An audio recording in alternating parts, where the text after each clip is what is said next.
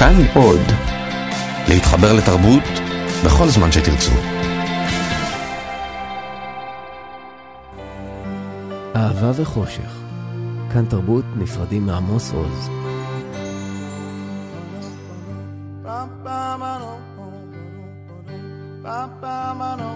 כל ישראל, אוצרות הארכיון.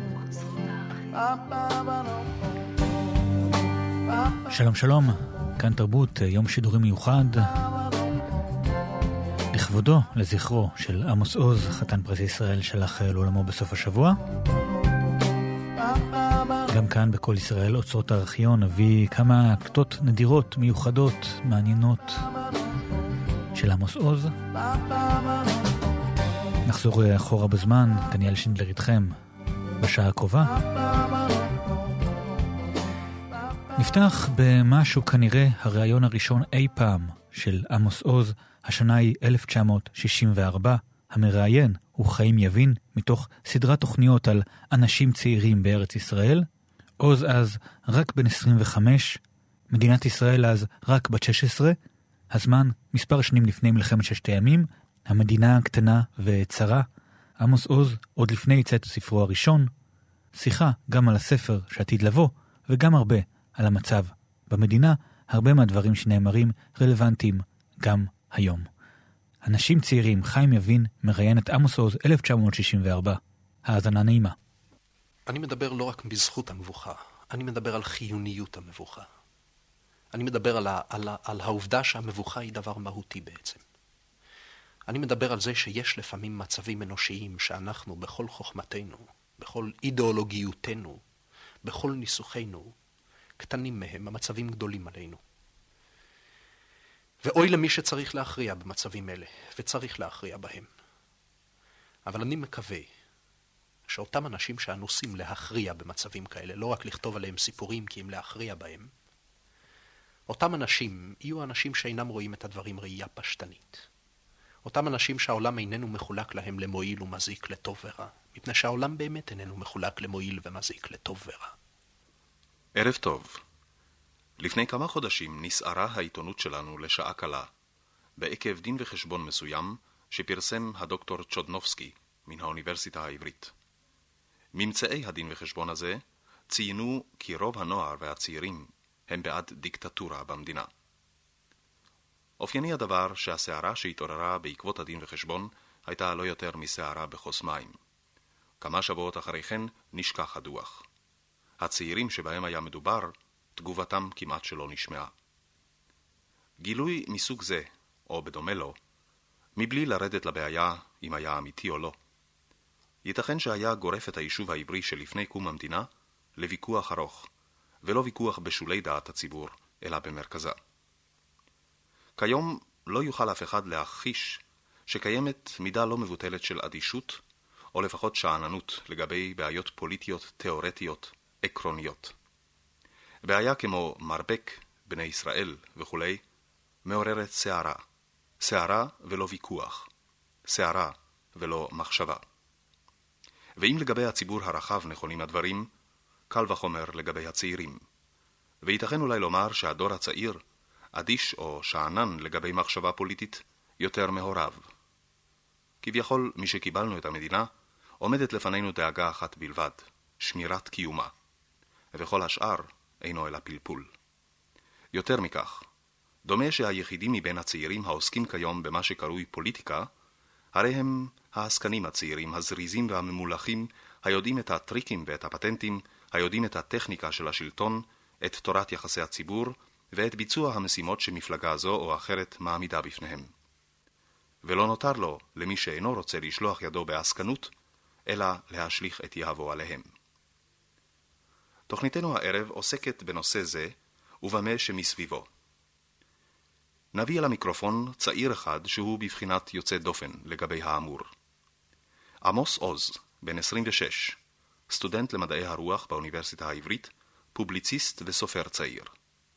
עמוס עוז הוא חבר קבוצת חולדה, שבה הוא עובד כמורה בבית הספר התיכון. בחדרו, בקיבוץ, אנו שומעים מפיו משהו על קובץ הסיפורים שהוא עומד לפרסם בקרוב. אלה הם סיפורים שרובם מתרחשים על רקע קיבוצי, אבל הם אינם סיפורים על הקיבוץ, והפרובלמטיקה שמופיעה בהם איננה פרובלמטיקה קיבוצית. אלה הם סיפורים על אנשים, בדרך כלל על אנשים יוצאי דופן, אה, שרובם איכשהו יוצא להם בתוך הסיפורים האלה למצוא את עצמם במצבים קיצוניים, והכימיה הזאת בעצם של תגובת אנשים יוצאי דופן על מצבים קיצוניים, היא הנושא שהעסיק אותי עד עכשיו. אלה הם בעצם סיפורים שמספרים על דברים שקורים בפרברים של החיים, לא במרכזם, לא במוקד ההתרחשות ההיסטורית. ומבחינה זאת ייתכן שהספר הזה לא יהיה יוצא דופן בהרבה מן הפרוזה שנכתבת עכשיו, שרובה היא בעצם פרוזה של פרברים, פרוזה שאיננה בוחרת לה כנושא את מוקד ההתרחשויות ההיסטוריות. כך שאם אתה רוצה שאומר משהו על הסיפורים האלה, על דרך ההכללה, אלה הם בדרך כלל סיפורים על הידברות. מצליחה או כושלת, לא תמיד ההידברות מצליחה. אבל הם אינם צמודים לשום רקע אקטואלי. אלה הם לא סיפורים על בעיות האומה ולא סיפורים על בעיות השואה. ואם הבעיות הגדולות המרכזיות משתקפות בסיפורים האלה, הן תמיד מאחורי המסך האחורי, מאחורי הקלעים, כצלליות. ההידברות מלווה תמיד תהליך של משבר. זהו תמיד סיפור על אנשים שמוכרחים על מנת להידבר, אה, לחשוף חלק מעצמם וחלק שהם לא רצו לחשוף אותו. ובלחץ אותן נסיבות מבחינה, כפי שהגדרתי את זה, הם לפעמים נאלצים להתגלות זה לזה, מעבר למה שהם רצו. את עיקר עיסוקו רואה עמוס עוז בכתיבת סיפורים. הפעילות הפוליטית שלו וכתיבת המאמרים הפובליציסטיים נעשים רק לעתים מזומנות. האם באותו תחום אנושי של הידברות, שאותו הוא ציין כקו מרכזי בסיפורים שהוא כותב, האם באותו תחום יש מפגש או נקודת מגע בין הסיפורים שהוא כותב לבין הכתיבה והמחשבה הפובליציסטית החברתית-פוליטית שלו? יש כנראה איזושהי נקודת מגע, ואני אוכל לומר לך רק דבר מעורפל, מפני שהדברים אינם מנוסחים ביני לביני באופן חד משמעי.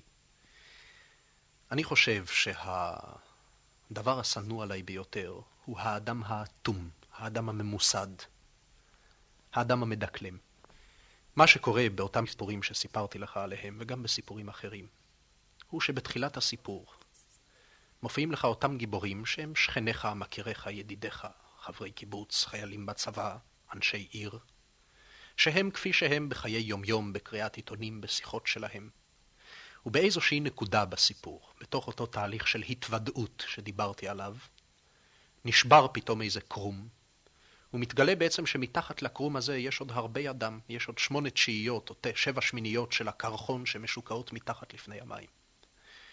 עכשיו, מה שמעניין אותי בפובליציסטיקה שלי, במידה שאני עוסק בכתיבה פובליציסטית, ואני עושה את זה מעט ולעיתים לא קבועות ומסודרות, מה שמעניין אותי שם, זה שוב אותו פער עמוק בין האדם הממוסד, האדם שכוחות הנפש הבלתי ממוסדים שלו נחנקים, מוחבאים בעצם, מתחת להליכה בתחם, בתלם, מתחת לשגרת המחשבה. ומה שאני מנסה לעשות בכתיבה פובליציסטית, על דרך ההכללה הגדולה, אפשר לומר, לשבור מליצות, לשבור פרזות, לחפש מה עומד מתחתן, לחפש את הכיסוי שלהן. ואולי יש כאן קשר עמום, ואני מודה שהדברים מנוסחים באופן מעורפל מאוד, אבל אולי יש קשר עמום בין מה שאני כותב כבדיה לבין מה שאני כותב כהכללה פובליציסטית. אה, הזכרת את המושג אדם ממוסד. למה אתה בעצם מתכוון במושג זה אה, אדם ממוסד? אני מתכוון לאדם שבתקופה מסוימת בחייו היה אדם פתוח ודבק בחזון במערכת ערכים באידיאולוגיה פוליטית. ומרגע שהוא דבק בה, הוא נסגר, היא סגרה אותו. והאיש הממוסד הזה הולך ומבצע את הדברים כמיטב יכולתו, לאו דווקא במסגרת פוליטית, גם במסגרת חייו היומיומיים. כיוון שהאיש הזה הוא ממוסד, כיוון שהוא שקוע בעשייה פוליטית או חלוצית או קיבוצית או מושבית או צבאית. הרי הוא קודם כל רואה תפקיד לעצמו ורואה משימה לעצמו, לבצע אותו חזון שהוא דבק בו בנעוריו. ולצורך זה הוא לעיתים קרובות מאוד מקריב יסודות עמוקים מאוד שישנם בלי ספק בנפשו שלו. למשל כנות. למשל נכונות לבקר את עצמו, למשל אירוניה. אם ניקח בעיה אקטואלית מאוד, קונקרטית מאוד, שמרחפת עכשיו בכותרות העיתונים. בעיה אנושית מאוד. באים עולים, מוסתים או אינם מוסתים, אינם רוצים ללכת לקצות הארץ. רוצים להתיישב במקומות מרכזיים, בתל אביב, בהרצליה. ואנשי משטרה מורידים אותם מן האונייה ומשלחים אותם בכוח, ממש, בכפייה ובאלימות על המקומות המיועדים להם, בלי כל ספק לטובתם של האנשים האלה מבחינת מקומות פרנסה ומבחינת אפשרויות דיור ומבחינת השיקול העליון של טובת המדינה. אבל שאלה כזאת שהיא שאלה שאני לא הייתי מסוגל להשיב עליה תשובה מוחלטת, מפני שאין לה תשובה בתחום המוחלט. כלומר, זוהי בעיה שהיא איננה רק אידיאולוגית ופוליטית, היא בעיה אנושית מורכבת מאוד, קשה מאוד. טוב לספקן ואוי לבעל הוודאויות, זו דעתי. אבל אדם כזה, אותו טיפוס אדם שניסיתי בקווים חטופים מאוד לצייר אותו, אדם כזה יאמר אחת משתיים, זה תלוי כמובן באותה אידיאולוגיית נעורים שהוא דבק בה.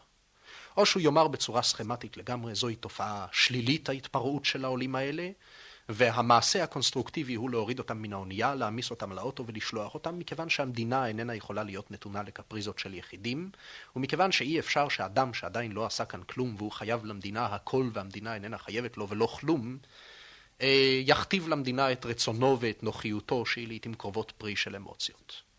אתה שם לב בניסוח הסינתטי הזה למינוח, שהוא תמיד מוחלט. כן? חיובי, שלילי, קונסטרוקטיבי, דסטרוקטיבי, טוב, רע, מועיל, מזיק, מותר, אסור. אני אינני מסוגל לחשוב בקטגוריות כאלה. ואז אני עומד נבוך. אה, דיברת קודם בזכות המבוכה, אפילו בזכות החיוניות של המבוכה וההכרח של המבוכה. מדוע? המבוכה היא טובה מפני שהיא מתאימה לעולם, מפני שהעולם גדול עלינו. המבוכה היא טובה מפני שהעולם ממהותו ומטבעו, בכל המישורים שלו, כלכלי, פוליטי, אישי, אנושי, רומנטי, אם אתה רוצה. העולם מטבעו איננו עשוי להתמצות בקטגוריות אידיאולוגיות. העולם לא עשוי מאידיאולוגיות. הוא עשוי מאנשים בשר ודם. ואנחנו חיים בעולם מלא סתירות. והאידיאולוגיה איננה סובלת סתירות. לכן שום תופעה אנושית, שום מצב אנושי, שום מציאות אנושית, איננה יכולה להתמצות באידיאולוגיה. בשום סוג של אידיאולוגיה. אני קורא מבוכה טובה למבוכה שמכריחה אדם לבדוק את המוסכמות שלו, שמכריחה אדם להתאכזר אל הקדושים שלו, שמכריחה אדם לעשות פעם בפעם רוויזיה בבוידם הרעיוני שלו, ולכל אחד יש בוידם, רעיוני ומנטלי ופסיכולוגי ואישי. ומבוכה שאונסת אדם בכוח הזרוע להתאכזר אל האוצרות האלה, לפשפש בהם, לעשות בהם סדר כללי, להוציא מהם את האבק היא מבוכה טובה. כשאתה מדבר על היעדר מבוכה כסימן לשאננות מסוימת, או אולי לאדישות או לקיפאון, למי אתה מתכוון? ראשי המפלגות הפוליטיות לא נבוכים, ברובם הגדול. על כל פנים אינם מראים את מבוכתם, ואני אומר את זה לגנותם. אה, היה להם שבח גדול לו היו משתפים אותי במבוכתם. הם אינם מראים אותה. כמה וכמה מחנכים, קובעי מסמרות, קובעי אידיאולוגיות אינם נבוכים. ומצד שני גם כמה אנשים שיודעים היטב היטב איך להסתדר. אינם נבוכים מפני שהם יודעים בדיוק מה, מה רצוי להם. יש להם שלושה והם רוצים ארבעה חדרים. יש להם מכונית ישנה והם רוצים חדשה. אלה לא נבוכים. אלה האנשים החלקלקים שמחפשים את דרכם. ושכבה גדולה ועצומה של אנשים חיה בעצם חיים של קבלה, לא, לא בקבלה במובן היהודי המיסטי. אלא חיים שחשבונם היחיד הוא המאזן הפשוט מה נתתי ומה לקחתי. אתן לך דוגמה. אני שאלתי את עצמי למשל, לפני כמה שבועות, ולא רק את עצמי, בשיחה פוליטית עם אנשים לא פוליטיים, עם כמה צעירים כאן בקבוצת חולדה. מדוע לא ייתכן בשנת 1965 בבחירות שאדם שיעלה סיסמאות אקטיביסטיות קיצוניות ייבחר לראש הממשלה, או אפילו יוצע על ידי מפלגתו לתפקיד בכיר? ועניתי לעצמי, קרה דבר מעניין שימנע את הדברים האלה. יש לאנשים יותר מדי מה להפסיד. יש לאנשים יותר מדי מה לסכן. לגבי דור שלם שנתנסה במלחמות, ואולי השתתף בפעולות תגמול, ואולי השתתף במלחמת השחרור, ועל כל פנים חי את הדור המגויס ואת התקופה המגויסת. לגבי דור שלם כזה, ממשלה בעלת מגמה ביטחונית חריפה, פירושה בקיץ הבא ללכת למילואים במקום לנסוע לאירופה, ואת זה לא רוצים. ועל כן אינני, אינני אומר שזוהי תופעה חיובית, אינני שופט אותה. זו עלולה להיות בנסיבות מסוימות תופעה שלילית מאוד, וכל הכותרות כגון שאננות ואדישות וכדומה ממצות אותה יפה. אבל זוהי תופעה טבעית, אנושית. זהו סוג מסוים של ודאות, והוודאות היא אני רוצה לקחת, אינני רוצה לתת. אני רוצה, נאמר נניח, להיות מובל. אינני רוצה לראות לאן אנחנו נוסעים. יש נהגים טובים. אני רוצה לקבל, נתתי די. וזה סוג מסוים של ודאות שאיננה בודקת ודאויות. היא איננה מחייבת שום אידיאולוגיה, היא איננה שוללת שום אידיאולוגיה, היא חיה. כן? כמו ציפור, כמו, כמו חתול, כמו כל בעל חי. חיים שהם לפעמים מלאים מאוד ומהנים מאוד, לא תמיד. אם הבינותי אותך נכון, הרי לדבריך מה שחסר לנו, ואני מבין שאינך מדבר על מפלגה מסוימת, אלא על האטמוספירה הכללית במדינה, אם כן, סימן לאדישות הפוליטית שאתה מוצא במדינה הוא היעדר או הימנעות מבדיקה יסודית של הדברים, אה, בדיקה עקרונית, בסיסית. יש כעת ויכוח על עניין שיטת הבחירות. במה עוסקים המתפלמסים בוויכוח הזה? הם שואלים את עצמם ושואלים את האחרים, מה תהיה שיטת הבחירות שתבטיח לישראל ממשלה יציבה? הם שואלים את עצמם מה תהיה האפשרות לתת את ה... נאמר את הייצוג המתאים לשכבות שונות של האוכלוסייה. הם אינם שואלים את עצמם את השאלה היסודית, איזה מין ממשלה, איזה מין פרלמנט, איזה מין כנסת, איזה מין הנהגה בעצם, הם מבקשים להשיג או למנוע על ידי עמדתם בשאלת שינוי שיטת הבחירות. בעצם באיזה עולם הם רוצים לחיות? אני נותן לך דוגמה של שאלות שנשאלות ואינן נשאלות נכון, כן? מכיוון שהן נשאלות במישור הרדוד שלהן, הן נשאלות באותו מישור של בעצם של ביצוע, של עשייה, של יעילות, של חיוביות ושליליות, מה שקראתי ב... לפני כמה רגעים. הן אינן נשאלות במישור העמוק ביותר שלהם, שהוא השאלה מי אנחנו ומה התכלית, מה אנחנו רוצים להיות. אתן לך עוד דוגמה אחת. בתחום רגיש מאוד, שאני מבין בו מעט באספקטים המעשיים שלו, ובלי כל ספק אה, ניתן לומר לי מה שאומרים בדרך כלל לאנשים מסוגי אין לך אינפורמציה, שב בצד ושתוק. אני מדבר על תחום הביטחון. אם כן, ברור לגמרי שהכל רוצים שמדינת ישראל תהיה חזקה. ולכל מנהיג פוליטי ולכל מפלגה פוליטית יש רצפט איך לעשות את זה. על ידי אוריינטציה פוליטית כזאת, על ידי אוריינטציה פוליטית אחרת, על ידי מדיניות ביטחון שוטפת כזאת, על ידי מדיניות ביטחון שוטפת אחרת. שום מפלגה, שום זרם פוליטי, מעשי, לא שאל את עצמו את השאלה שהיא אמנם שאלה יסודית, עיון, עיונית, אבל היא שאלה יסודית, בסיסית, בלעדיה אין כל משמעות לכל שאלות, הביצ... לכל שאלות הביצוע. את השאלה בעצם באיזו מדינת ישראל אנחנו רוצים לחיות בעוד 30 שנה. בראש גשר של אירופה, בחלק מאסיה, במדינה נאו-יהודית. איזה נאו-יהודית? נאו-יהודית נוסח רבי נחמן מברצלב, נאו-יהודית אה, אה, נוסח בר כוכבא, נאו-יהודית נוסח דוד המלך. כך שאין למעשה מצידם של אנשים שעוסקים בעשייה פוליטית שום התייחסות אל שאלות התכלית, אל השאלות למה. השאלה הפוליטית הרווחת ביותר במדינת ישראל היא השאלה איך. שאלת האיך היא השאלה למשל אם מדינת ישראל צריכה לרכוש סוג זה או סוג אחר של נשק. לבנות לעצמה אוריינטציה פוליטית על מעצמה זו או על מעצמה שנייה. לסלול כביש כאן או לסלול קודם כביש, כביש שם. לקחת רופאים צעירים בכוח אל יישובי ספר משום שזה נחוץ, או לפתור את הבעיה הזאת בדרך אחרת. איש לא שואל את עצמו למשל את השאלה היסודית המהותית, והיא שאלה ממדרגה עילאית. האם בכלל מותר למדינת ישראל להשתמש באמצעי כפייה ועד היכן? ומדוע, ובתוקף מה, וכלפי מי? זו שאלה שאיננה נשאלת. אמנם באמת שאלות אלה אינן נשאלות כלל, דומה שיש אצלנו סימפוזיונים, מאמרים ופולמוסים לרוב בשאלות אלה. כן, אני אינני טוען שאינם שואלים אותה. היא נשאלת במדינת ישראל. היא נשאלת על ידי רבים וטובים, בכל מיני כתבי עת אינטלקטואליים, בכל מיני הרצאות אקדמאיות, אפילו בסימפוזיונים של כל ישראל. אני רק טוען שיש פער של קומוניקציה, כמו פער בין שתי פלנטות, בין העשייה הפוליטית לבין הבדיקה הזאת, שהיא נעשית, אבל היא נעשית על ידי אנשים שבלי כל ספק מוקדם או מאוחר חייבים להתייאש מן העיסוק בפוליטיקה במובן זה של המילה פוליטיקה.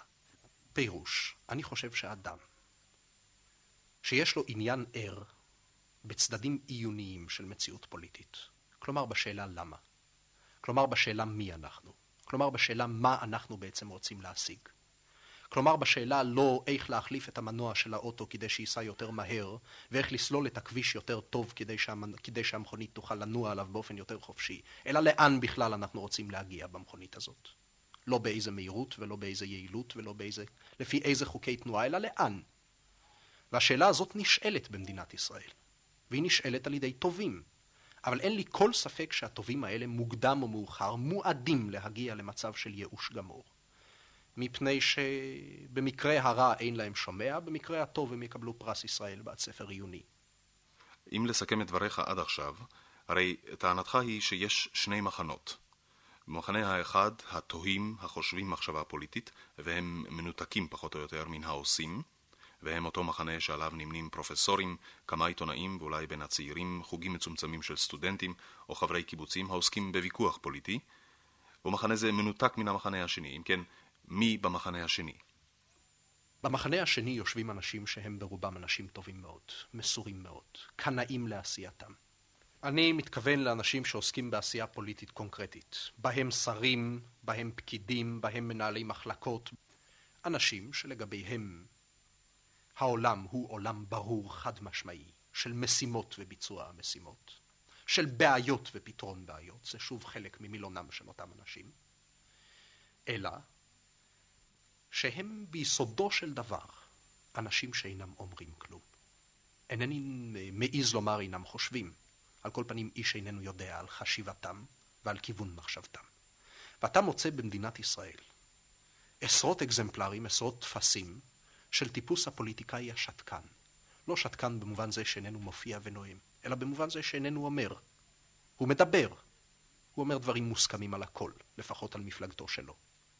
הוא חוזר בניסוחים חוזרים ונשנים אין קץ על תפקידי האומה ותפקידי המדינה, ואם הוא שייך למעמד מסוים על תפקידי המעמד, ועל תפקידי המפלגה ועל המשימות הקרובות, והוא אוהב מאוד את המילה החדשה אתגר, והוא אוהב את המילה פתרון, והוא אוהב את המילה ביצוע, והוא אוהב גם את הביצוע עצמו, והוא לעיתים קרובות מוכשר מאוד בדברים הללו. אבל הוא לפעמים מטיל עליך אימה אם אתה מהרהר בו עד תומו, מפני שהוא כמעט דומה לאותו קטר בסיפור של זולה שדוהר במהירות על גלגלים משומנים ועל פסים משומנים, בלי נהג, בלי תכלית. האם אין כאן דבר והיפוכו? האם אין המבוכה אסורה על האדם המבצע, על מי שצריך להחליט, על הפקיד, המנהל? אינני חושב כך. אינני חושב כך. אינני חושב שהאדם המתלבט הוא בהכרח האדם המבצע רע. אני מאמין שלמפקדים המחנכים של הפלמ"ח הייתה מבוכה. כך הם כותבים. והם לא היססו להודות בה. והם נלבטו בה מאוד. אני מאמין שלא רק למפקדים של הפלמ"ח הייתה מבוכה. אני מאמין שגם בין החיילים שלו, או בין הסמלים שלו, או בין הקצינים הזוטרים שלו הייתה מבוכה. קרא את יזהר. תראה על איזה מבוכה אני מדבר. והמבוכה הזאת לא הורידה את כוחו הצבאי או את ערכו הביצועי של החיל הזה. היא העשירה אותו מבחינה אנושית. היא אולי מיררה את חיי האנשים העושים, אבל אוי לאדם שחייו אינם ממוררים במבוכה מסוג זה. והיום אנשים רבים, אנשי ביצוע, טובים, שרבים מהם אני מוקיר ומכבד, פותרים את עצמם מן המבוכה הזאת. אוכלים מן המוכן, אוכלים תבשיל ישן, ששוב פעם, אינני אומר שהוא רע, אינני יודע, אבל הוא צריך בדיקה. אז אני רוצה שתבין אותי היטב. אינני בא לטעון שכל uh, מנהל מחלקה במשרד המסחר והתעשייה צריך להיות פילוסוף, שההיסטוריוזופיה של עם ישראל תעמוד בפניו. והשאלות הגדולות של לאן ומתי ואיך ומי אנחנו ומה אנחנו רוצים ולמה באנו הנה ולמה אנחנו רוצים להישאר לפניו, תעלנה על סדר היום בישיבות שהוא מנהל בנוגע למחירי מצרך זה או אחר. אבל אני דורש, ואני רואה את זה כדבר חיוני, שאיש זה והממונים עליו, וגם הכפופים לו, יעמדו בקומוניקציה, בקשר בלתי פוסק, עם אותם אנשים, אותם כמעט והייתי אומר טרדנים פוליטיים, שאינם מסוגלים לעשייה פוליטית או אינם רוצים בה, אבל הם מתלבטים, והם זורעים מבוכה ויבורכו על המבוכה שהם זורעים, מפני שלולי הם, באמת אתה יכול לתלות את עצמך ברכבת המשומנת הזאת שדוהרת ואיננה יודעת לאן היא דוהרת. נחזור עכשיו אל המחנה הראשון שעליו הצבעת קודם, אותו מחנה של פרופסורים ואינטלקטואלים, המסתגר, כפי שאמרת, בדלת אמותיו. נדמה לי שאין צורך לומר שכאן, בהסתגרות זו, טמונה סכנה, אולי סכנה רבה. כיצד זה נראה לך?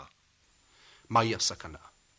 הסכנה היא שאנחנו נצמיח במשך השנים כת אינטלקטואלית מסוגרת מאוד, אריסטוקרטית בהליכותיה, אולי אפילו סנובית, מעין מעמד סגור שמחליף בינו לבינו דברי חוכמה, וחי בגבהים גדולים של מחשבה מצד אחד, ומצד שני עם שטוח, עם מנותק. תישאל ממילא השאלה, בשביל מה הוא מתקיים? או לא תישאל, ואז זה עוד יותר מסוכן. ואז מוקדם או מאוחר, כל אזרח במדינת ישראל, גם אם המדינה היא יעילה מאוד, ישאל את עצמו למה כאן? או ישאל את עצמו למה עברית? או ישאל את עצמו למה עולים חדשים? או ישאל את עצמו למה צדק סוציאלי? הוא עלול מחר, אתן לך דוגמה קונקרטית מאוד. עלול להיווצר מחר מצב, ומבחינה פוליטית ראינו דברים כאלה בעולם, שהיחסים בין ישראל למדינות ערב יגיעו למצב כזה שבו מדינות ערב לא תכרזנה על מדינת ישראל מלחמה טוטאלית, אלא תאמרנה למדינת ישראל, או שטח אדמה זה וזה שאנחנו דורשים אותו, וכך וכך פליטים, או מלחמת השמד. ומאות יהודים ואלפי יהודים טובים יעשו טוב טוב את החשבון, וביסודיות. האם זה כדאי? כלומר, האם כדאית מלחמה טוטאלית במונחים של שנות ה-60, זה עלולות להיות שנות ה-70 של המאה ה-20, או ניתן להם את הפרוסה הזאת של אדמה מדברית בנגב שהם דורשים, ושבעצם כל מה שיש לי על הפיסה הזאת של האדמה זה שרבצתי שם במילואים פעם וקיללתי אותה. או אותם אנשים עלולים לשאול את השאלה עולים חדשים למה? ואם כן, למה על חשבוני? ישנה שאלה יסודית מאוד, מה אנחנו? חיל חלוץ של כך וכך מיליונים יהודים, שחלק מהם אינם רוצים בכלל שיהיה להם כאן חיל חלוץ, מדברים בשפה אחרת, כפופים כמעט לפסיכולוגיה אחרת. חברת ביטוח של מיליונים של אנשים שחלק מהם בכלל אינם רוצים להיות מבוטחים בחברה הזאת. או נציגות של 20, 30, 50 דורות מאחורינו שבשמה באנו הנה, כדי לממש את מה שהיא במשך כך וכך אלפי שנים חלמה שיתממש פעם אחת. כל אלה הן שאלות מחייבות מאוד. והן במובן מסוים שאלה, השאלה הזאת של שאלת הזהות היא השאלה הקריטית לגבי עצם הצידוק המוסרי לקיום של עם ישראל כאן, עכשיו. מדוע אמרתי פער עצום בין העשייה הפוליטית, שכולה עוסקת בשאלות האיך, לבין המחשבה, אני מפחד לומר את המילה היסטוריוסופית, אבל המחשבה ההיסטוריוסופית של הלמה. משום שאצלנו שאלת הזהות התעוררה בהקשר אחד. כך וכך יהודים שלא היה ברור מה לרשום בפספורט שלהם, אז התווכחו מיהו יהודי. מיהו יהודי לצורך תעודת זהות, כן? אחרת לא היו מתווכחים על זה. וברגע שנמצא פתרון טכני, אדמיניסטרטיבי, פשרתי לשאלה הזאת, ירדה שאלת הזהות מסדר היום של האנשים שצריכים לעצב את המדינה הזאת, ואת קיומה ואת צורתה. וזוהי שאלה שאני חושב שלא רק התעלמות או עקיפה שלה, אלא אפילו פתרון מזויף שלה, יהרוס אותנו. יהרוס אותנו מפני שלא יהיה בסיס לקיום שלנו כאן.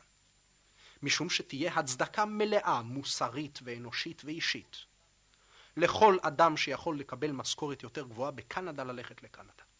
בצדק גמור.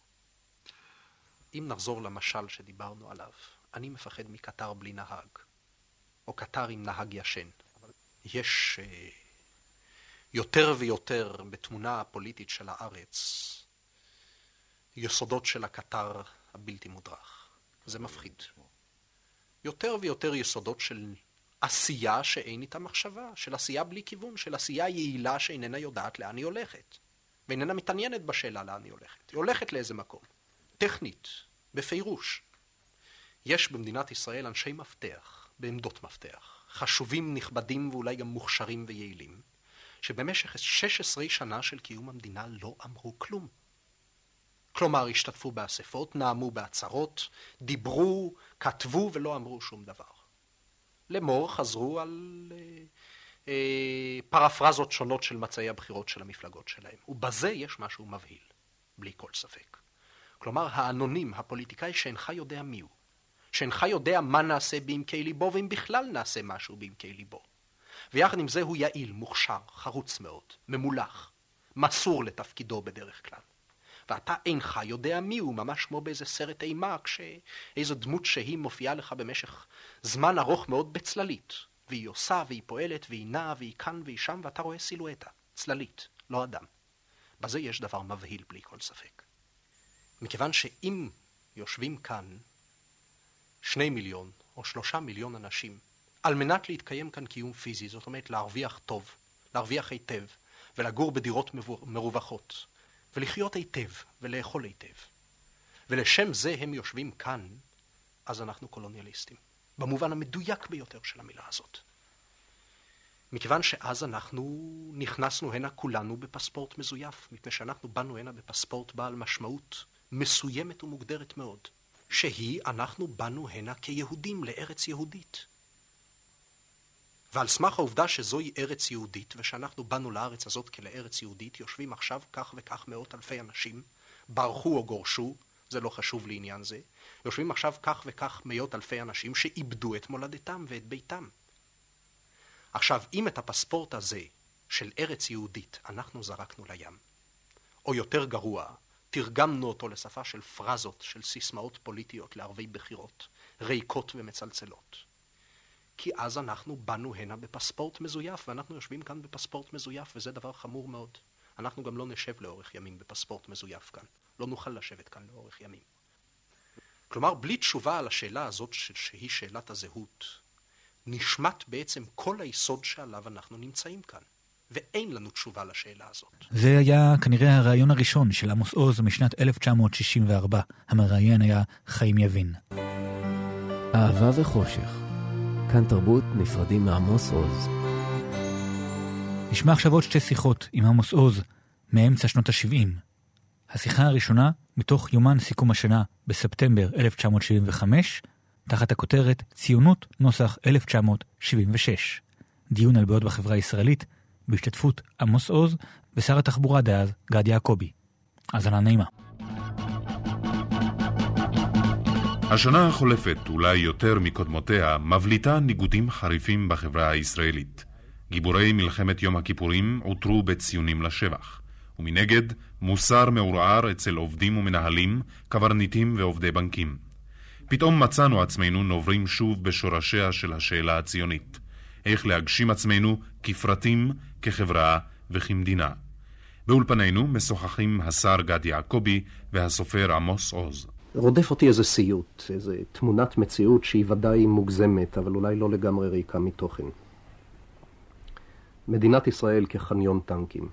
אני לא יודע אם כולנו מכירים את התבנית הזאת של מעגל טנקים שנערך לחניון לילה. התותחים נטועים לפנים, נאמר שאין מחדל, כל אמצעי ראיית הלילה והלייזרים והכל דרוך וערוך, חומת פלדה, אבל החומה הזאת מקיפה רק את עצמה. בפנים אין שום דבר. כמה זבילים ריקים של תחמושת, שרידי מזון, קצת זוהמה שהצטברה במשך היום ואף לא נפש חיה. הבה נתאר לעצמנו שמעגל הטנקים הזה ערוך ודרוך ומוכן לכל התקפה, סוגר בתוכו על, על עם ישראל, שיושב בגופייה, שומע באוזן אחת חרוזי פרסומת, צופה בעין שנייה לתוכנית מתח בטלוויזיה, שני עיתוני הערב פרוסים לפניו, רגליים לפנים, ו- ומציץ לתורי הרכילות מי מתעסק עם מי. האם מרוב המאמץ העצום לשמור על עצם הקיום, להגן עליו, אנחנו לא מתקרבים לסף מצב שבו נאבד את טעם הקיום? נניח שיונח לנו. נניח שהשנה הבאה עלינו לטובה, אינני אומר שלום, אבל תהיה שנה שבה יחסית יונח לנו. מה אנחנו רוצים? כל מה שיש לנו עכשיו רק יותר.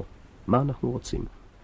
אני אה, סבור שהתיאור שתיארת את מצבנו, עמוס, הוא מרתק, אבל uh, מחמיר מדי, קיצוני מדי, אפוקליפטי מדי, שכן העם, ברובו, לא רק יושב מול הטלוויזיה עם עיתוני הערב ומעיין בטורי רכילות, אני מכיר חלק מן העם שאיננו עושה בעיקר את הדברים האלה, אולי מדי פעם עושה גם את הדברים האלה. אבל אם הבנתי נכון את אה, דאגתך, לפחות בעיקרה היא משותפת לנו. שכן גם אני סבור שמדינת ישראל טרם קמה. היא טרם קמה כמעט מכל אחת מן הבחינות שהיוו את היסודות של החזון הציוני הסוציאליסטי או הלא סוציאליסטי, שעל פיו החלה להתרקם מדינת היהודים בארץ ישראל לפני כמאה שנים.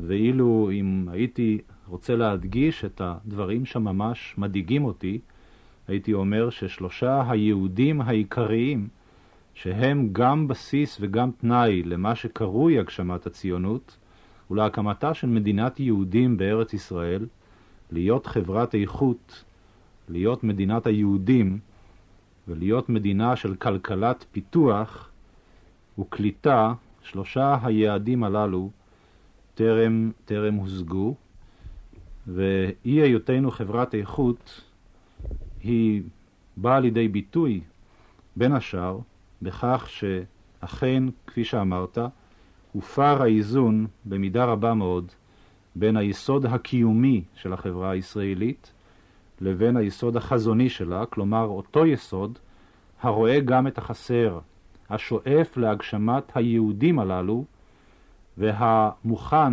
להקריב חיי שעה לשם, אם אפשר לומר כך, כאן בפורום חילוני זה, לשם חיי נצח. גד, מדינה של כלכלה יצרנית, מדינה של פיתוח וצמיחה, זה אמצעי. אמצעי חיוני, הלוואי והייתי רואה אותו ממשמש ובא.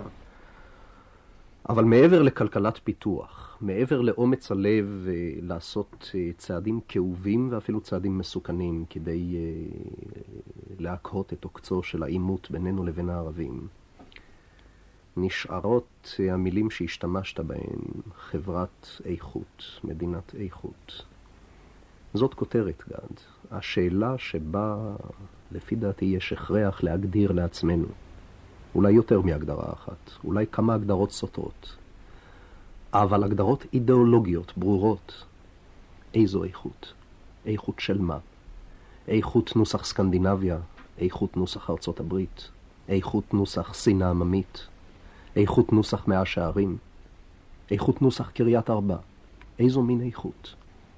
כשאני מביט בקריית ארבע, ואני רואה, אינני נבהל מפני חריפות הביטוי, אני רואה קולוניה של יהודים מעסיקים, והמון עם של, של ערבים יצרנים. אני שואל את עצמי, האם זה צעד קדימה, פריצה למרחבים חדשים? או שיש עוד ממדים, לא רק גיאוגרפיים, לארץ ישראל. ובממד הזה אנחנו פוסעים בקריית ארבע, אולי גם בפתחת רפיח. פסיעה ענקית אחורנית. בקיצור, האם, האם אין סכנה שבהמשיכנו לשלוט על מיליון וחצי ערבים בשטחים, ובהמשיכנו להיבנות מעבודתם מה שקוראים השחורה, אנחנו הולכים והופכים מעם למעמד. יש בינינו אולי מחלוקת על הפרופורציות. יותר מאשר על התוכן. אני אינני סבור שאנחנו הפכנו לעם הנבנה מעבודתו של עם אחר. ישנם ודאי קבוצות, חוגים, אזורים מצומצמים, שבהם ההגדרה הזאת יש לה על מה לסמוך. אבל uh, בסך הכל, אולי אנחנו נבנים במידה מסוימת מעבודתם של אחרים, אבל לאו דווקא מעבודתם של תושבי השטחים כמו של אזרחי ארצות הברית. והתלות המתהווה והולכת בינינו לבין ארצות הברית, אם כי אולי מבחינה מוסרית וחברתית היא פחות חמורה, מבחינה מדינית ולאומית היא חמורה למדי. ואני חושב שבהחלט ההתפוררות הקיימת של סולם ערכים קפדני במה שקרוי עבודה עצמית, או מה שהיה קרוי עבודה עצמית בהתיישבות החקלאית השיתופית, וכן בקואופרציה וכן ברבדים רחבים של החברה הישראלית, אכן חל בסחף. אבל עדיין הפרופורציות מוגבלות. עובדים בישראל 50, 60 אלף עובדים מן השטחים, דבר שמאפשר גם להם לשפר את רמת חייהם ולקדם את רווחתם ולהגיע לרמת חינוך טובה יותר לילדיהם. לא זו השאלה בעיניי העיקרית בתחום הזה, בתחום האיכותי, אם כי אני אינני מבטל את משקלה. השאלה העיקרית היא, לפי דעתי, בתחום המעשה היומיומי, בתחום תרבות ההתנהגות שלנו, בהקשר לה, להיעדר, היעדרו של הקשר המספיק בין התפוקה לתמורה, בין התרומה לתביעה, בין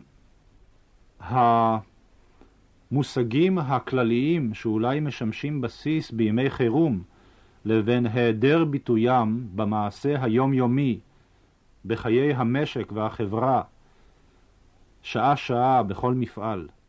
לא כאן עצ... מוקד ומקור אולי הבעיה העיקרית, וממנה, אם מותר לי לומר, השאלה של יחסינו וזיקת הגומלין שלנו עם העם היהודי. הפער האיכותי הגובר בין העם היהודי, בעיקר במערב, אבל גם בברית המועצות, לבין העם היהודי בישראל, היא אחת מהשאלות שחייבות להדאיג אותנו יותר מכל שאלה אחרת, משום שבסופו של דבר, אם לא יבואו יותר יהודים לארץ ישראל, הרעיון הציוני הבסיסי איננו מוגשם. אם אנחנו מצלמים מציאות נתונה, אני המגזים ואתה הריאליסט. אני המגזים גם בציור מדינת ישראל כחניון טנקים, וגם במשקל שאני מייחס למה שמתרחש ב- ב- בקריית ארבע ובפתחת רפיח, ובתל אביב ובירושלים ובקיבוץ חולדה. אבל אני לא מדבר על צילום של מציאות מתונה, אני מדבר על כיווני תהליכים. ונדמה לי שגדולתם של אבות הציונות, של אבות תנועת העבודה, הייתה בכוחם לנסח, לראות קודם כל, ולנסח דיאגנוזה, פרוגנוזה ורצפט למחלות הקיומיות של עם ישראל. והציונות היא קודם כל בעיניי תנועה תרפית. היא תנועה שבאה לרפא. היא תנועה שבאה לרפא עם שנסיבות היסטוריות עיוותו בו כמעט כל חלקה טובה. עיוותו את סולם המושגים והערכים שלו, יצרו בו מובלעות של היסטריה, מובלעות של אגרסיביות, מובלעות של נרדפות, מובלעות של, של אי יכולת להתקיים זה לצד זה. יש uh, תוצאות לוואי נוראות לקונפליקט בינינו לבין הערבים, גם בתחום הזה. קבוצות העובדים לעיתים קרובות אינן אלא מתרגמות את השפה שבה דיברו ממשלות ישראליות קודמות כלפי חוץ. אנחנו נאבקים על עצם קיומנו ולא נוותר ונשיג את שלנו רק בכוח וזה על החיים ועל המוות ואנחנו מצפצפים על מה שיאמרו כולם. אותה שפה שבה ממשלות ישראליות קודמות דיברו אל העולם החיצון. דיברו אל האויב הערבי, דיברו אל, אל אמן. אותה שפה חוזרת כמו בומרנג, מפיו של איזה ראש עיר שנאבק על איזה דיונות חול ואומר אני לא אסוג אף מטר ולא אכפת לי מה יגיד כל העולם, אני נאבק על עצם קיומי ובמאבק הזה כל האמצעים כשרים. שוב, יש בינינו, הייתי אומר, מגוון של uh, דגשים אבל אה, אינני זוכר שהסגנון הזה דווקא התחדש בשנים האחרונות. אני זוכר את אה, קבוצות הלחץ של שנות החמישים, של תקופת המיתון, שהן אולי, uh, במידה רבה מאוד, סברו שבהיות מדינת ישראל חברה מאוד אינטימית, חברה שיש בה זיקת גומלין הדוקה מאוד בין המערכת הפוליטית, המערכת החברתית והכלכלית, ניתן על ידי לחצים, איומים, הכתבות, להשיג הטבות לי, לקבוצה שאני מייצג, ולו גם ההטבות הללו תשפענה על שיפור מצבי לתקופה קצרה, השגתי את מטרתי. אבל אה, שאלת אותי מהי האיכות, ניסיתי קודם לכן לומר שהאיכות בעיניי היא האיכות הכרוכה בהתנהגות האנושית, החברתית והכלכלית כמעשה של יום-יום. זהו הדבר העיקרי בעיניי. כמובן, הדבר הזה איננו יכול להיות מושג רק כתוצאה מהטפה, ודאי לא מהטפת מוסר. אני מסכים שזוהי קודם כל אחריותו של כל פרט לעצמו. קודם כל השתכנעות עצמית. קודם כל תהליך של חינוך, אבל לא תהליך של חינוך ארטילאי, אלא תוצאה של תוכנית לאומית ומנהיגות לאומית החותרים להשגת היעד הזה, על ידי הצגת יעדים צלולים, על ידי מתן דוגמה אישית ועל ידי הוכחת מנהיגות הלכה למעשה בעת מבחן.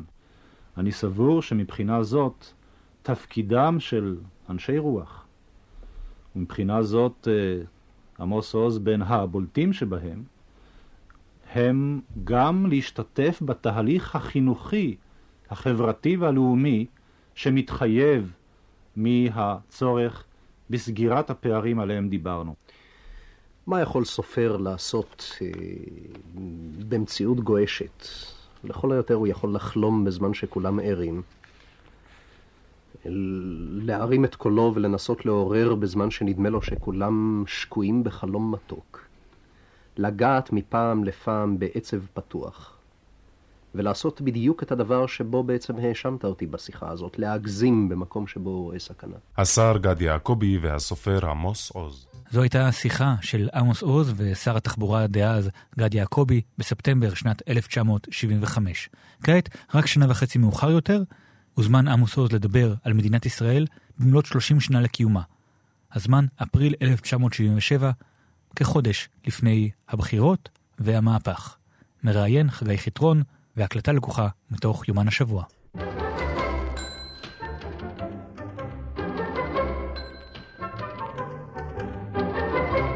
יום העצמאות ה-29 למדינת ישראל צוין על רקע של קשיים, משברים, אכזבות וגם הישגים. דומה כי אין עוד מדינה קטנה כשלנו עם כל כך הרבה סתירות פנימיות. על מדינת ישראל בפרוס שנת ה-30 לעצמאותה שוחח כתבנו חגי חיטרון עם הסופר עמוס עוז, חבר קיבוץ חולדה. עמוס עוז, הרגשת המועקה שנלקחת כנתון, כדבר שקיים בציבור שלנו, האם גם אתה לוקח חלק באותה הרגשה? כן, אני חושב שאני שותף למועקה. ואולי גם חשתי אותה בשנים שבהן רוב הציבור אה, חי בשמחות גדולות בין שתי המלחמות האחרונות.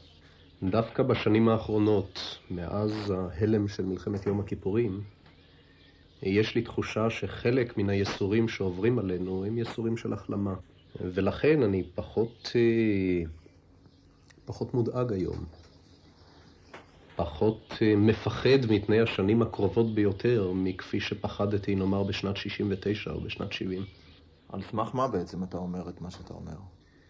קודם כל, על סמך העובדה שהעם המוזר הזה מענה את עצמו כבר שלוש שנים בשאלה במה חטאנו. וגם זו תופעה שאף על פי שהיא הופכת לפעמים את חיי היום-יום למצוקה גדולה, היא תופעה מופלאה מאוד. עמים אחרים אינם מחטטים באינטנסיביות כזאת בחטאיהם או בהתדרדרויותיהם או בחולשותיהם. ולא תמצא בארץ ישראל את ה...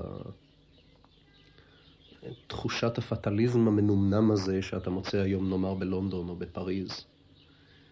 כשאנשים חשים שההיסטוריה פחות או יותר נגמרה בשבילם, ששום דבר חשוב לא יקרה להם. שהם דועכים או גולשים בשקט אה, לעבר איזו השלמה או קבלת דין אה, כמעט פטליסטית של דעיכת המערב. בארץ ישראל אתה לא מוצא את זה. אבל בסך הכל אני חושב שאנחנו נושאים את העיניים אל איזה סטנדרטים, אל איזה נורמות שאין כמוהן בשום אומה ולשון. מבחינה מוסרית אתה מתכוון סטנדרטים?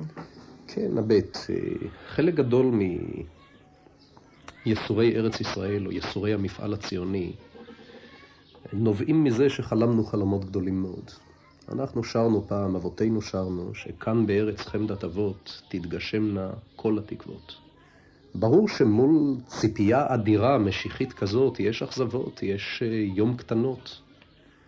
אבל אני שמח לגלות שמאז 73, בכל מיני גרסאות, מהן גם גרסאות שאני דוחה באופן אישי, פוליטיות, אבל בכל מיני גרסאות אנשים נושאים את עיניהם לאיזה חזון גדול מאוד, לאיזה תביעה אל, אל, אל נורמה מוחלטת, שנהיה הכי, הכי טובים, או הכי צודקים, או הכי חזקים, או הכי טהורים. זה לא פשוט הכי. רק הכי חזקים? זה לא פשוט רק רצון לעוצמה גדולה? כבר לא, כבר לא. זה אומר שלהיות אזרח סתם בתל אביב, אה, זה יותר טוב מאשר להיות אזרח סתם בבירה מערב אירופית? קודם כל אני חושב שזה יותר מרתק. קשת הניגודים של הארץ הזאת, האינטנסיביות של החלומות הסותרים והחזיונות הסותרים. החל באלה שרוצים לחדש את מלכות דוד ושלמה, וכלה באלה שרוצים להקים כאן גן עדן של צדק סוציאלי. לא תמיד בתביעות שאדם תובע מעצמו, אבל בתביעות שתובעים מן הקולקטיב. שום צרפתי או אנגלי לא יאמר לך, אם ארצי לא תהיה הטובה שבכל ארצות העולם, אז מה היא שווה לי בכלל? כאן אתה שומע את הדברים האלה, זה מעיק, זה מרגיז, ובכל זאת זה מעיד על התכוונות אל איזה קוטב מגנטי מוחלט. וזה לא מפריע לך שכמו שאמרת, התביעות האלה הן תביעות של אדם מזולתו בדרך כלל? ודאי שזה מפריע, גם מפני שזה תביעות של אדם מזולתו בדרך כלל, וגם משום שבכוח התביעות האלה אנחנו ממררים את החיים זה לזה וממררים את החיים לעצמנו. אבל זה גם מקור פורה של מתח רוחני בלתי פוסק. המצב הזה של אי שביעות רצון, התחושה הזאת של מה לא בסדר איתנו, הולמת בעיניי, הולמת על כל פנים את הטמפרמנט שלי, יותר מאשר הייאוש השקט שאתה מוצא בערים גדולות במערב. או יותר מאשר דקלום הסיסמאות אה, הצרכני שאתה שומע בארצות טוטליטריות. גם התחושה השבטית הזאת, הלוא זה איננו עם, זה שבט, שכולנו ערבים זה לזה, שכל אחד אחראי בעד כולם, שמעשה שחיתות במוסד זה או אחר הוא כתם על כבוד המשפחה, שלנו אישית, של כל אחד מאיתנו. ב', יש חמרנות בארץ, יש ודאי אה, גילויים של המחלה היהודית הנושנה, זה הדחף הזעיר בורגני, האינסטינקטים של ללמד את אה, בנינו צרפתית ופסנתר, לעשות אותם בורגנים טובים, להשיג להם שלושה כיווני אוויר וכדומה, זה ישנו. את המחלה היהודית הזאת אבחנו אבות הציונות עוד לפני 70-80 שנה. רק תמימים יעלו על דעתם שאפשר היה לשנות אה, מבנה נפש לאומי שנוצק במשך אלפי שנות גלות בתוך דור אחד. המחלה ישנה, אבל היא טורדת את מנוחתנו, גם כשאנחנו משיגים נכסים חומריים, משיגים שלושה כיווני אוויר וריהוט כזה או אחר ותנאים כאלה או אחרים, אין נחת. משום ארץ בעולם לא תתקשר שיחת אה, זרים לגמרי באוטובוס. על המצב המוסרי של האומה ומה צריך לעשות כדי לשנות אותו. כאן אתה לא אה, עומד בתור לקולנוע ואתה בפרלמנט. אתה יושב באוטובוס או עומד באוטובוס צפוף, חם, מזיע, ואתה מוצא את עצמך פתאום בעיצומו של איזה דיון אה, לפעמים היסטרי, אבל תמיד כן מאוד, חם מאוד, על, על, על עתיד האומה, להיות, לא להיות, איך להיות, מה להיות. יש 157 או 158 מדינות עצמאיות בעולם. ברובן המכריע שורר משטר של עבדות, של דיכוי, של טמטום המוני, של שטיפת מוח ושל עריצות. בין 157 או 158 המדינות האלה יש 20 או אולי 25 מדינות שבהם אזרחים יכולים לחיות בחירות, ולפחות פתוחה בפני האזרחים האפשרות שלא לאבד צלם אדם. אנחנו במועדון הזה, אולי באחד המקומות האחרונים בליגה הזאת, אבל בליגה הזאת. את הדבר הזה חוללנו בכל זאת בתוך 28 שנים שהיו שנים ברוטליות מאוד, בפנים ובחוץ. מלבד כל אלה, זה בכל זאת מקור של מתח רוחני, אני לא יודע במה נמדדת תרבות. במה באמת? למשל? אולי קודם כל באי נחת, ויש בארץ ישראל אי נחת מן הסוג הטוב. כל המתח הזה, בדרך כלל לא ניתן לומר שהוא מניב יצירות תרבותיות אובייקטיביות אה, רבות באיכות אה, רצינית נאמר. אף פעם לא העליתי על דעתי שיש איזה מתאם צבאי כזה, חד משמעי, בין מצב האומה לבין נאמר איכות יצירות הספרות שלה. אבל uh, זה יהיה חטא לומר שלא נשמעים דברים חשובים בארץ ישראל. נשמעים דברים חשובים בכל קצות המחנה. האם התרבות שנוצרה כאן בארץ ישראל עוד לפני קום המדינה, בתקופה ש, שחיים כאן יהודים מתחילת הציונות, זאת תרבות שיש לה ישות משלה גם בלי, בלי דת? כן, קודם כל לגבי מורשת ישראל, אני חושב שעל רובנו, אלה מאיתנו שהם לא דתיים לתיאבון, אבל גם לא כנעניים לתיאבון, על רובנו בעצם נגזר מצב מרתק מאוד. אנחנו עומדים לעומת מורשת ישראל. אנחנו מדברים באותה שפה, כותבים, חיים באותה שפה שבה דיברו הנביאים. בשבילי הדרך להתמזג, חזרה נאמר, אם חיים על פי ההלכה היא דרך סגורה ולא אסביר עכשיו למה. מצד שני, אה, אין ולא ייתכן מצב של ניתוק גמור מן המורשת הזאת. אני נידון לחיות לעומתה. אני עומד לעומתה דרך שירי הערש ששמעתי בינקותי, דרך האגדות שהסבתות סיפרו לנו, דרך תאריכים, דרך אתרי נוף, דרך העיר ירושלים, דרך חורבות ארכיאולוגיות, דרך ספרים, דרך גבילים, דרך לשון הדיבור שאני משתמש בה יום ולילה. אין לנו הרבה. קצת שירי סוכנות, קצת שירי פלמ"ח, רעיון הקיבוץ, שהוא יצירה די אוריגינלית של התנועה הציונית. אה, תחושה שהיא עדיין די חריפה, שצריך להיות צדק. תחושה של סולידריות שבטית שהיא יותר עזה ויותר חריפה מאשר אצל עמים אחרים. וזה מספיק תוכן. זה מוכרח להיות מספיק, מפני שעצם תשתית הרעיון הציוני הייתה דף חדש. ודף חדש פתחנו. עכשיו, העמדה הכפולה הזאת, אני יודע שאנשים לא אוהבים את זה. הם היו רוצים תשובות חדות וחלקות. האם אנחנו עדיין יהודים או כבר עיוורים? האם אנחנו המשך או מהפכה, כשם ספרו של קורצווייל?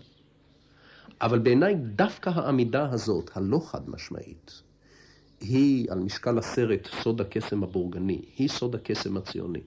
אני חושב שהשגנו שניים, שלושה דברים שהם אולי אה, יחידים במינם במאה ה-20, אולי יחידים במינם בתולדות האדם. חוץ מפיסה של טריטוריה שהיא דבר גדול מאוד בעיניי, רק שוטה יזלזל בה, אה, השגנו עוד שני דברים. השגנו מידה יותר גדולה של אחריות לגורלנו, לטוב ולרע. והשגנו כמה התחלות מרתקות של ריפוי החולי היהודי שאבות הציונות איתרו אותו ויבחנו אותו. מי שציפה ליותר מזה בשלושים שנה, אה, הופעל על ידי דחפים משיחיים ולא על ידי דחפים היסטוריים.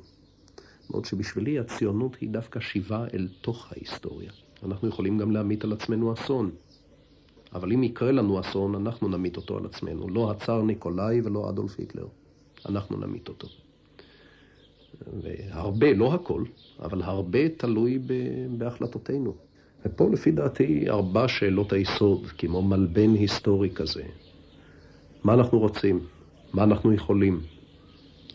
מה אחרים רוצים? מה אחרים יכולים? בתוך המלבן הזה צריכה לפעול מנהיגות לאומית. ואם היא תפעל בתוכו ותאמר לעם את האמת, זה וזה אנחנו רוצים. זה וזה אנחנו רוצים ויכולים, זה וזה רוצים אבל לא יכולים.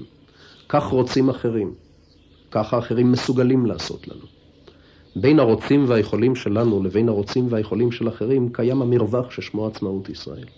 הסופר עמוס עוז. זו הייתה השיחה עם הסופר עמוס עוז של חגי חיטרון מתוך יומן השבוע, אפריל 1977, כחודש לפני הבחירות והמהפך.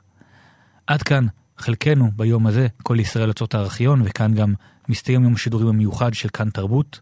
במשך כל השבוע התוכנית כל ישראל יוצאות הארכיון תוקדש לעמוס עוז, נביא כאן רעיונות, תסכיתים והקלטות נדירות. ועכשיו, טל השילוני עם נעים בכביש. המשך יום טוב, להתראות.